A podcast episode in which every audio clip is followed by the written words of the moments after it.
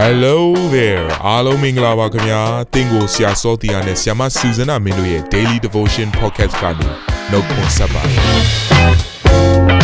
ဆရာနဲ့ဆ iam မတို့ရဲ့အသက်တာမှာဘုရားရှင်ပြုတဲ့ကောင်းကြီးမင်္ဂလာများစွာရှိပါတယ်အဲ့ဒီအထက်ကပြန်လဲစီးဆင်းတဲ့နှုတ်ကပတ်တော်ကိုဒီနေ့မှနားထောင်ပြီးခွန်အားယူကြမှာဖြစ်ပါတယ်နေ့စဉ်10မိနစ်လောက်အချိန်ပေးပြီးမိမိရဲ့အသက်တာကိုကောင်းကြီးဖြစ်စေမယ်ဘုရားသခင်ရဲ့နှုတ်ကပတ်တော်နဲ့နီးလန်းတွေကိုအတူတကွခံယူကြရအောင်ခင်ဗျာ ချစ်ရတဲ့မိသားစုတွေများအရောက်ချင်းစံကိုရှလုံးလို့နှုတ်ဆက်ပါတယ်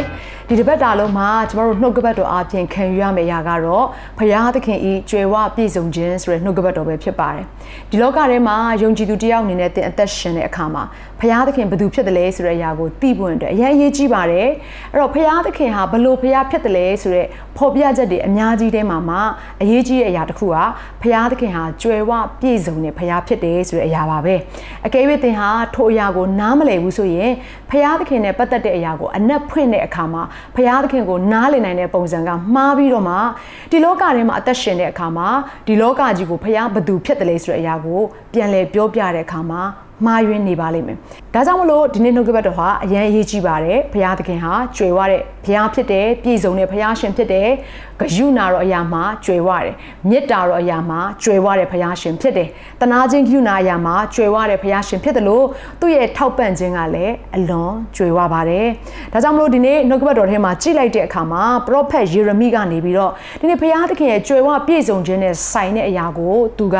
နှုတ်ကပတ်တော်အပြင်ဖော်ပြသွားပါတယ်အဲ့တော့ဖခင်ရဲ့ကြွယ်ဝပြည့်စုံခြင်းနဲ့ဆိုင်တဲ့နှုတ်ကပတ်တော်ကိုသင်နားလည်နိုင်ဖို့ရန်အတွက်သင်ဘက်ကနေပြီးတော့သင်ရဲ့မပြည့်စုံခြင်းနဲ့ဆိုင်တဲ့အရာကိုအရင်နားလည်ဖို့အတွက်လိုအပ်ပါတယ်။ကိုကမပြည့်စုံဘူးဆိုတဲ့အရာကိုသိလာတော့မှပဲ။အော်ဖခင်သခင်ရဲ့ကြွယ်ဝပြည့်စုံခြင်းဆိုတာဘာလဲဆိုတဲ့အရာကို သင်နားလည်နိုင်မှာဖြစ်တယ်။ဒါကြောင့်မလို့ပထမနေ့အနေနဲ့ကျမက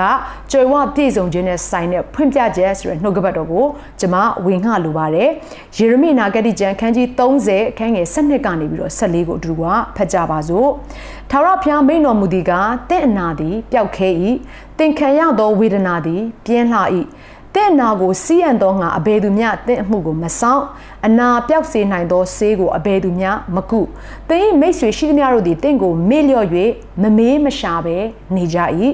တင့်အပြစ်ကြီး၍တင်ပြုသောဒုစရိုက်သည်များပြောသောကြောင့်ရန်သူပေးတတ်သောအနာနှင့်တင့်ကိုငါနာစေပြီကြမ်းတမ်းသောသူပေးတတ်သောဒဏ်ကိုငါပေးပြီအဲ့တော့ဒီအဖြစ်ပြက်ကဘသူတွေကိုပြောနေတဲ့အရာလေးဆိုတော့ဘုရားကသူ့ရဲ့လူသူ့ရဲ့ဣသရေလလူမျိုးတွေ เนาะသူ့ရဲ့ရွေးချယ်ထားတဲ့လူမျိုးတွေနေထိုင်တဲ့နိုင်ငံနဲ့ပတ်သက်ပြီးတော့ဘုရားသခင်ပြောထားတဲ့အရာဖြစ်တယ်ဒီအရာကိုနားလည်ပြီဆိုရင်ကျမတို့ရဲ့အသက်တာကျမတို့နဲ့ဆိုင်တဲ့ပတ်ဝန်းကျင်ကျမတို့ရဲ့လူမျိုးတွေကျမတို့ရဲ့တိုင်းနိုင်ငံတွေလွတ်မြောက်စရာအကြောင်းရှိနေပါတယ်ကြွယ်ဝခြင်းပြည့်စုံခြင်းအကြောင်းရှိနေပါတယ်အဲ့တော့ဒီမှာဗာပြောထားလဲဆိုတော့သူ့ရဲ့လူတွေဟာတဲ့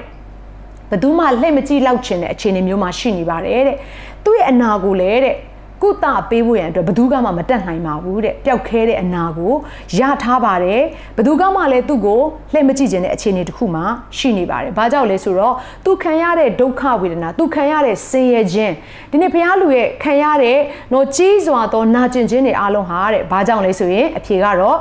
ကြီးမားသောအပြစ်တွေဒူးရိုက်တွေကိုလုပ်ခဲ့တဲ့အတွက်ကြောင့်မလို့ထိုဆင်းရဲခြင်းမပြည့်စုံခြင်းเนาะသူ့ရဲ့တက်တာထဲမှာခက်ခဲခြင်းဆိုတဲ့အရာကို ကြုံတွေ့ရပါတယ်တဲ့။သို့တော်လည်းကျမတို့ရဲ့ဘုရားသခင်ဟာကြွယ်ဝတဲ့ဘုရားရှင်ဖြစ်တယ်လို့ကျမပြောခဲ့တယ်။အဲ့ဒီအရာကတော့သူ့ရဲ့မေတ္တာနဲ့ဂိယူနာတော့ကြွယ်ဝခြင်းပဲဖြစ်ပါတယ်။ဒါကြောင့်ဘုရားသခင်ဟာသူ့ရဲ့လူကိုဘယ်သူမှမကယ်တင်နိုင်တဲ့လူကိုသူကပြန်ပြီးတော့ကယ်တင်ပေးပါတယ်။မျော်လင့်ရမဲ့နေတဲ့လူခက်ခဲခြင်းဆင်းရဲခြင်းတွေတကယ်ကိုခိုကိုးရမဲ့နေတဲ့သူကို ဖះကိုယ်တိုင်ကအကူအညီပေးတယ်သူ့ရဲ့ကြွယ်ဝပြည့်စုံခြင်းကိုပေးတယ်ဆိုတဲ့အကြောင်းအရာကိုတွေ့တယ်ယေရမိနာဂတိကျမ်းခန်းကြီး33ခန်းငယ်6ကနေ8ကိုကြည့်မယ်ဆိုရင်ဒီနေ့ဖះခင်ကသူ့ရဲ့လူတွေကိုသူ့ရဲ့ကြွယ်ဝခြင်းနဲ့ပြည့်စုံစေခြင်းနဲ့ဆိုတဲ့အကြောင်းအရာကိုတွေ့ရတယ်ဒါလေးကိုဖတ်ခြင်းနဲ့တို့ရတွင်ငါသည်ဤမြို့၏အနာကိုဆေးအောင်၍ပျောက်စေမည်မြို့သားတို့သည်ကျမ်းမာမည်အကြောင်းမြဲသောစည်းစိမ်ချမ်းသာနှင့်ပြည့်စုံမည်အကြောင်းကိုငါပြမည်တိမ်သွားခြင်းကိုခံရသောယူဒအမျိုးနှင့်ဣသရေလမျိုးသားတို့ကိုတဖန်ငါဆောင်ခဲ့၍ အရင်ကဲ့သို့တိဆောက်မည်သူတို့သည်ငါ့ကိုပြစ်မှားသမျှသောအပြစ်တို့ကိုငါဖြေရှင်းမည်ငါ့ကိုပြစ်မှား၍ငါ၏တရားကိုလွန်ကျူးသမျှသောအပြစ်တို့ကိုငါလွတ်မည်အဲ့တော့ဒီနေရာမှာဗာပြောထားလေဆိုလို့ရှိရင်ဖယားသခင်ရဲ့အထဲမှာရှိနေတဲ့မြဲသောစီးစိမ်ချမ်းသာနဲ့ဖယားကပြည့်စုံစေခြင်းနဲ့တဲ့ ဘလို့လူတွေကိုလည်းဒုက္ခရောက်နေတဲ့သူမျောလင့်ချက်မဲ့နေတဲ့သူအသက်တာထဲမှာဆင်းရဲနေတဲ့သူတွေအားလုံးကိုဘုရားကဗာပြောထားလေဆိုတော့မြဲသောစီးစိမ်ချမ်းသာအဲ့ဒီအရာက abundance လို့ခေါ်တဲ့တကယ်ကိုဘုရားသခင်ထံတော်ကလာတဲ့ကြွယ်ဝပြည့်စုံခြင်းကိုပဲပြောနေခြင်းဖြစ်ပါတယ်အဲ့တော့ထိုကဲ့သို့သောကြွယ်ဝပြည့်စုံခြင်းကိုရနိုင်ဖို့နဲ့ဘုရားခင်ကတဲ့ငါပြမည်တဲ့သူ့ရဲ့ဖွင့်ပြချက်ကိုရတော့မှပဲအဲ့ဒီကြွယ်ဝပြည့်စုံခြင်းကိုရမှာဖြစ်တယ်ဒါကိုနားလေစေချင်တယ်ဆိုတော့ เนาะကျွန်မစကလုံးသုံးလုံးလေးခွဲထားတယ်ပထမတစ်ခုကဘာလဲဆိုတော့ restoration ဘုရားသခင်ကနေပြီးတော့သူ့ရဲ့လူတွေကိုအရင်နေရာကိုပြန်ပြီးတော့ပို့ဆောင်ပေးမယ်ပုံမှန်မူလဘုရားသခင်ဖြစ်စေခြင်းနဲ့အသက်တာကြီးတဲ့ကိုပြန်ရောက်ဖို့ရတဲ့မူလနေရာကိုပြန်ခေါ်သွားပေးမယ်ဒါကတော့ restoration ဒါကြောင့်မလို့လေတဖန်ငါဆောင်ခွေရဲ့အရင်ကဲ့သို့တိဆောက်မိဆိုတဲ့စကားလုံးကလာနေခြင်းဖြစ်တယ်အဲ့ဒီပထမအဆင့်ပြီးရင်တော့ revelation ဘုရားသခင်ကဖွင့်ပြခြင်းဆိုတာလာလိမ့်မယ် ဘာနဲ့ဆိုင်နဲ့ဖွင့်ပြခြင်းလဲဘုရားသခင်ကကြွယ်ဝပြည့်စုံစေတဲ့မြဲသောစီးစိမ်ကိုပေးနိုင်တဲ့ဘုရားဖြစ်တယ်ဆိုတဲ့အကြောင်းအရာကို revelation ပေးမယ် revelation ပြီးတော့မှ abundance ဆိုတဲ့ဘုရားသခင်ကြွယ်ဝပြည့်စုံခြင်းလို့ခေါ်တဲ့မြဲသောစီးစိမ်ချမ်းသာပြည့်စုံခြင်းကကျွန်တော်တို့အသက်တာထဲမှာရောက်လာမှာဖြစ်တယ်ဒါကြောင့်မို့ဘုရားသခင်ကသူ့ရဲ့ကျွေဝပြည့်စုံခြင်းကိုပေးတဲ့အခါမှာသူ့ရဲ့အစီအစဉ်လိုက်လေးပဲလာပါတယ်ကြော်ပြီးတော့လှုပ်လှုပ်တဲ့ဘုရားမဟုတ်ပါဘူး။ တင်းရဲ့တက်တာထဲမှာဒုက္ခဆင်းရဲခြင်းတွေရောက်နေလားဘုရားထံကိုလှည့်လာပါဘုရားကလည်းတင့်ကိုတဖန်ပြန်လှည့်ပြီးတော့သူ့ရဲ့မျက်မှောက်တော်တွေကိုသိမ်းယူမယ်ပြီးတော့မှတင်းရဲ့အထက်ထဲမှာရှိနေအနာတွေအားလုံးကိုငြိမ်းစေမယ်နော်ပဂတိအသက်တာပြန်ဖြစ်သွားပြီဆိုရင်တော့ဒီနေ့ဘုရားရှင်ကသူဖွင့်ပြခြင်းနဲ့ဝိညာဉ်နဲ့ဆိုင်တဲ့အရာတွေကိုတင့်ကိုဖွင့်ပြပြီးတော့မှသူ့ရဲ့ဝိညာဉ်နဲ့ဆိုင်တဲ့ကြွယ်ဝခြင်းကိုတင့်ကိုပေးမှာဖြစ်ပါတယ်။ဒါကြောင့်မလို့အဲ့ဒီလှုပ်ဝက်ချက်နဲ့ပတ်သက်ပြီးတော့တကောခန်းကြီးနှစ်အခန်းငယ်6ကနေ16ထဲမှာဒီလိုအသေးစိတ်ဖော်ပြထားပါတယ်။ ကျမ်းစာလာသည်နှင့်အညီဘုရားသခင်ကိုချစ်တော်သူတို့အဖို့လုံကဘုရားသခင်ပြင်ဆင်တော်မူသောအရာကိုလူမျက်စိဖြင့်မမြင်နားဖြင့်မကြားစိတ်နှလုံးဖြင့်မကြံစီသေးထိုအရာတို့ကိုဘုရားသခင်သည်မိမိဝိညာဉ်တော်အားဖြင့်ငါတို့အားဖော်ပြတော်မူ၏ဝိညာဉ်တော်သည်ဘုရားသခင်နဲ့နဲသောအရာတိုင်အောင်ခတ်သိမ်းသောအရာတို့ကိုစစ်တော်မူ၏လူ၏နဲ့နဲသောအရာကိုလူ၌ရှိသောမိမိစိတ်ဝိညာဉ်မှတပါအဘယ်သူသိသနည်းထိုနည်းတူဘုရားသခင်နဲ့နဲသောအရာကိုဘုရားသခင်ဝိညာဉ်တော်မှတပါအဘယ်သူများမသိငါတို့သည်လောကီဝိညာဉ်ကိုမခံရကြဘုရားသခင်ပေးတော်မူသောအရာတို့ကိုသိခြင်းအလိုငါဘုရားသခင်ထံမှကြွလာသော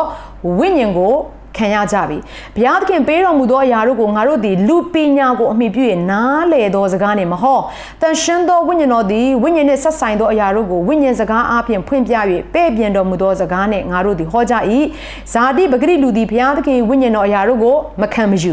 ထိုအရာတို့သည်မိုက်မဲသောအရာဖြစ်သည်ဟုထင်တတ်၏ထိုအရာတို့ကိုဝိညာဉ်တော်အားဖြင့်သာပိုင်းခြား၍နားလည်နိုင်သောကြောင့်ဇာတိပဂရိလူသည်နားမလည်နိုင်ဝိညာဉ်လူမူကားထိုအရာအလုံးစုံတို့ကိုပိုင်းခြား၍နားလည်တတ်၏ သို့တော်လည်းထိုသူကိုအဘယ်သူမျှပိုင်းခြား၍မသိနိုင်ထိုလူကိုတွင်တင်နိုင်မိအကြောင်းအဘယ်သူသည်ထာဝရဘုရား၏စိတ်တော်ကိုသိသည်နီငါတို့မူကားခရစ်တော်၏စိတ်ကိုခံရကြ၏အဲ့တော့ဒီနေရာမှာဗာပြောထားလဲဆိုတော့ဘုရားသခင်ရဲ့ဖွင့်ပြခြင်းဘုရားသခင်ရဲ့နဲ့နေခြင်းအကြောင်းအရာကိုနားလည်ခြင်းနဲ့ဆိုရင်တော့တဲ့ဘသူကပဲဖွင့်ပြမလဲဆိုတော့တန်ရှင်တော်ဝိတော်ဘုရားကပဲဖွင့်ပြမှာဖြစ်တယ်အဲ့တော့တန်ရှင်တော်ဝိတော်ဘုရားကဖွင့်ပြတဲ့အခါမှာဒီနေ့ဘုရားသခင်ရဲ့ဖော်ပြခြင်းနဲ့နဲ့နေတဲ့အရာတွေအားလုံးကိုတစ်ခုမချင်းကျမတို့ကိုဖော်ပြမှာဖြစ်တယ် အဲ့တော့ဘလို့လူတွေကိုပဲဖော်ပြမလဲဖခင်ရဲ့စိတ်ဝိညာဉ်ကိုရတော်သူခရစ်တော်ရဲ့စိတ်တော်နဲ့ပြည့်တော်သူကိုပဲဖခင်ကဖွင့်ပြမှာဖြစ်တယ်။သို့တော့ဇာတိပဂရိလူကတော့ဖွင့်ပြခြင်းမခံစားရဘူး။ဘာဖြစ်လို့လဲဖွင့်ပြလို့ရှင်လေ तू ကနားမလည်နိုင်ဘူး။ तू နားလည်နိုင်တဲ့အရာကဖခင်ရဲ့ကြွယ်ဝခြင်းလို့ပြောပြီးဆိုရင်ဒီလောကနဲ့ဆိုင်တဲ့စီးစိမ်ဥစ္စာရုပ်ဝတ္ထုရွှေငွေနဲ့ နော်အဲကျမတို့မြင်နေရတဲ့မြင်နဲ့ဆိုင်တဲ့အရာတွေအားလုံးကိုပဲသူကမြင်နေတာဖြစ်တယ်။သို့တော့ဝိညာဉ်ကတော့အဲ့လိုမျိုးမဟုတ်ဘူး။ဝိညာဉ်လူကတော့သူတစ်ပါးတွေမမြင်နဲ့မကြားဘူးတဲ့တန်ရှင်းသောဝိညာဉ်တော်ပေါ်ပြမယ်ဘုရားရဲ့နက်နဲခြင်းတွေအားလုံးကိုသူက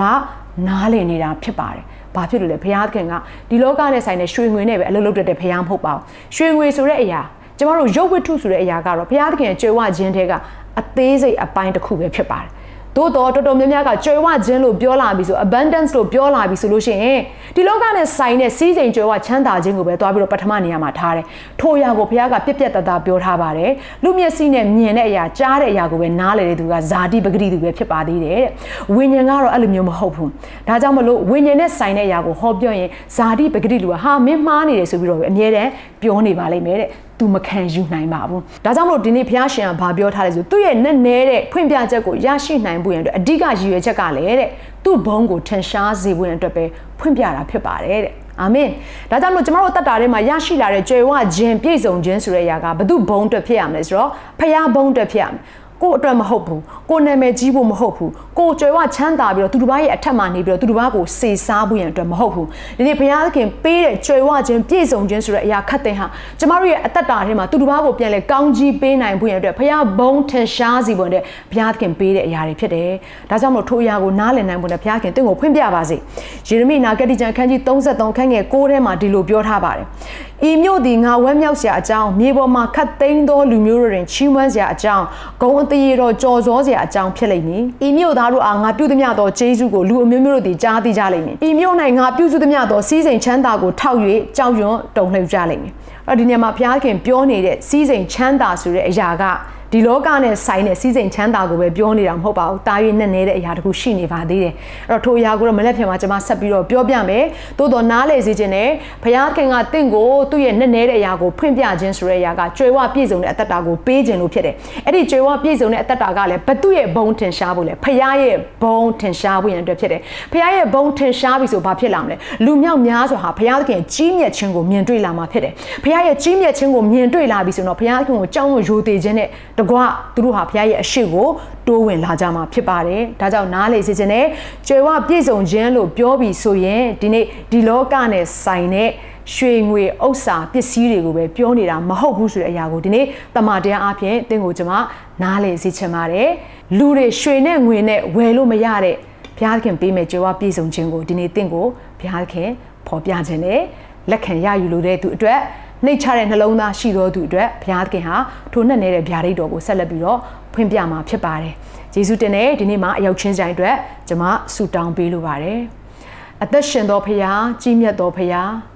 အိုးသားသမုတ်တယောက်ချင်းဆိုင်အတွက်နည်းနည်းသောကောင်းကြီးမင်္ဂလာကြွယ်ဝပြည့်စုံခြင်းတွေကိုပြင်ဆင်တော်မူတော်ဖရာကိုရောဖရာရဲ့နာမတော်ဒီကဘာဆက်ဆက်ဘုန်းကြီးမင်္ဂလာရှိပါစေဒီနေ့မှာနှုတ်ကပတ်တော်အပြင်သားသမုတ်နားလေရတဲ့အရာကကိုရောကသားသမီးတို့ကိုကြွယ်ဝ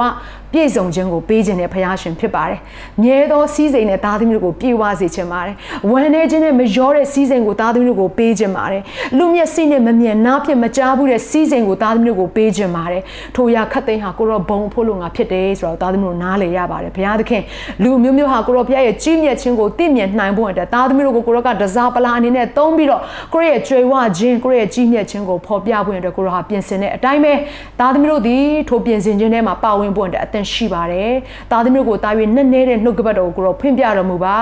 ဇာတိပဂတိလူကဲ့သို့မြင်ရတဲ့အရာကိုပဲဆွဲလန်းပြီးတော့နှုတ်ကပတ်တော်ကိုနားထောင်တော်သူတွေမဟုတ်ဘဲနဲ့မမြင်ရတဲ့နဲ့နေသောကိုရောဖွင့်ပြခြင်းနဲ့ကြွယ်ဝခြင်းကိုနားလည်နိုင်ပါမည်အကြောင်းသားသမီးရဲ့ဉာဏ်မျက်စိကိုလင်းစေတော်မူပါ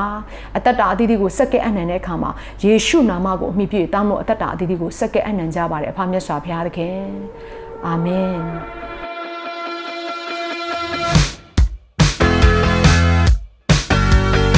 နာတော်တာစင်သူတိုင်းရဲ့အသက်တာမှာကောင်းကြီးဖြစ်မယ်ဆိုတာကိုကျွန်တော်ယုံကြည်ပါတယ်။သင်ရဲ့အသက်တာအတွက်များစွာသော resource တွေနဲ့ update တွေကို Facebook နဲ့ YouTube platform တွေမှာလည်းကျွန်တော်တို့ပြင်ဆင်ထားပါတယ်။ Facebook နဲ့ YouTube တွေမှာဆိုရင် search box ထဲမှာစူဇနာမင်းလို့ရိုက်ထည့်လိုက်တဲ့အခါအပြရန်အမှန်ချစ်ထားတဲ့ Facebook page နဲ့ YouTube channel ကိုတွေ့ရှိမှာဖြစ်ပါတယ်။နှုတ်ကပတ်တော်တွေကိုဗီဒီယိုအားဖြင့်လည်းခွန်အားယူနိုင်ဖို့ရန်အတွက်အစဉ်သစ်ပြင်ဆင်ထားပါတယ်။ကျွန်တော်တို့ဝိညာဉ်ရေးရာအတွက်အထူးလိုအပ်တဲ့ဖွင့်ပြခြင်းတွေနဲ့ခွန်အားတွေကိုရယူလိုက်ပါ။နောက်ရက်များမှာပြန်ဆုံတွေ့ကြရအောင်ခင်ဗျာ။အားလုံးကိုနှုတ်ဆက်ပါတယ်